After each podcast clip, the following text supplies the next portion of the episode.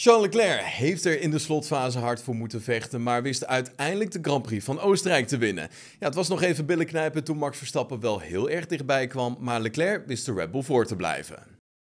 Leclerc begon de race op de Red Bull Ring vanaf de tweede positie, maar liet al snel zien het tempo van Verstappen te kunnen matchen. En ja, dat resulteerde dan ook al vroeg in een spannend gevecht tussen de twee titelrivalen. Ja, een goede start was er ook voor zijn teamgenoot Sergio Perez, die al snel in gevecht raakte met Russell. dit gevecht eindigde wel in tranen voor de Mexicaan, want hij werd aangetikt door de Mercedes-coureur en belandde zo in het grind. In het middenveld zagen we vandaag ook veel geweldige gevechten, soms wel met vier auto's naast elkaar. Norris, Schumacher, Alonso, Joe. Ja, het was prachtig om te zien op de Red Bull Ring. Ja, ronde 40 ging het mis bij Vettel, die bij een inhaalactie werd aangetikt door Gasly. De Aston Martin raakte hierdoor in de spin en belandde in het grind. Ja, Vettel wist zijn auto nog wel te bevrijden, maar verloor hierdoor heel veel tijd. Het resulteerde in een straf voor de coureur van AlphaTauri. Maar goed, Vettel die won hier uiteindelijk helemaal niks mee. Met nog zo'n 20 ronden te gaan werd Verstappen weer te gazen genomen door Leclerc. Ook Sainz kwam steeds dichterbij en dus werd het in de slotfase billen knijpen voor de regerend wereldkampioen. Maar goed, vlak voordat het moment aanbrak dat Sainz een aanval kon plaatsen, gaf zijn Ferrari-motor de geest. Zijn auto vatte vlam en de Spanjaard moest snel uit de auto klimmen. Dat resulteerde in een virtual safety car en dat gaf Verstappen en Leclerc de mogelijkheid om een extra pitstop te maken. Het resulteerde in een bloedstollende slotfase waarin Verstappen een nieuwe kans kreeg om voor de overwinning te vechten. De Nederlander leek net iets te ver weg te zitten, maar Leclerc kreeg problemen met zijn gaspedaal, zo liet hij weten over de boordradio. Verstappen kwam ontzettend dichtbij, maar leek één of twee ronden tekort te komen om zijn rival aan te kunnen vallen.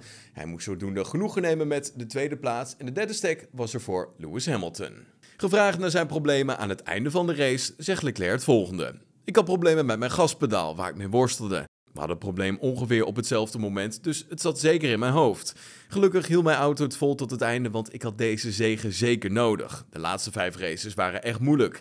Ja, dat we nu hebben laten zien dat we de snelheid hebben, is erg belangrijk. Ja, bij de Haas-coureurs maakte trouwens ook een erg sterke indruk. Zowel Schumacher als Magnussen reden comfortabel binnen de top 10. Schumacher kreeg zelfs de titel Driver of the Day. Ja, de teambaas van Ferrari, Mattia Binotto, die houdt gemengde gevoelens over na de overwinning van Charles Leclerc.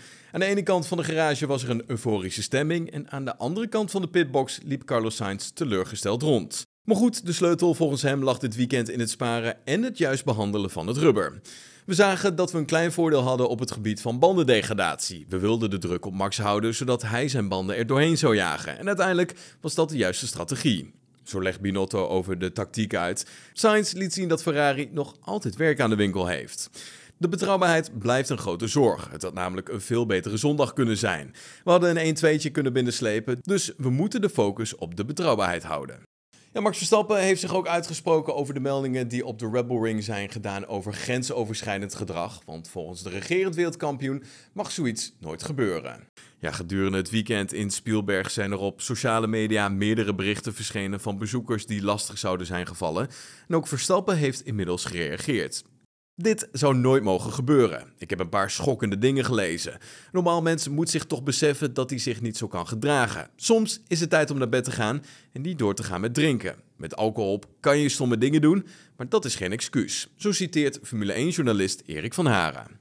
Pakken we nog even snel een nieuwtje van de Formule 2 mee, want lang kon Richard Verschoor niet genieten van zijn zege in Oostenrijk. De Nederlander was er al bang voor, maar de FIA heeft hem gedisqualificeerd omdat hij te weinig benzine aan boord had.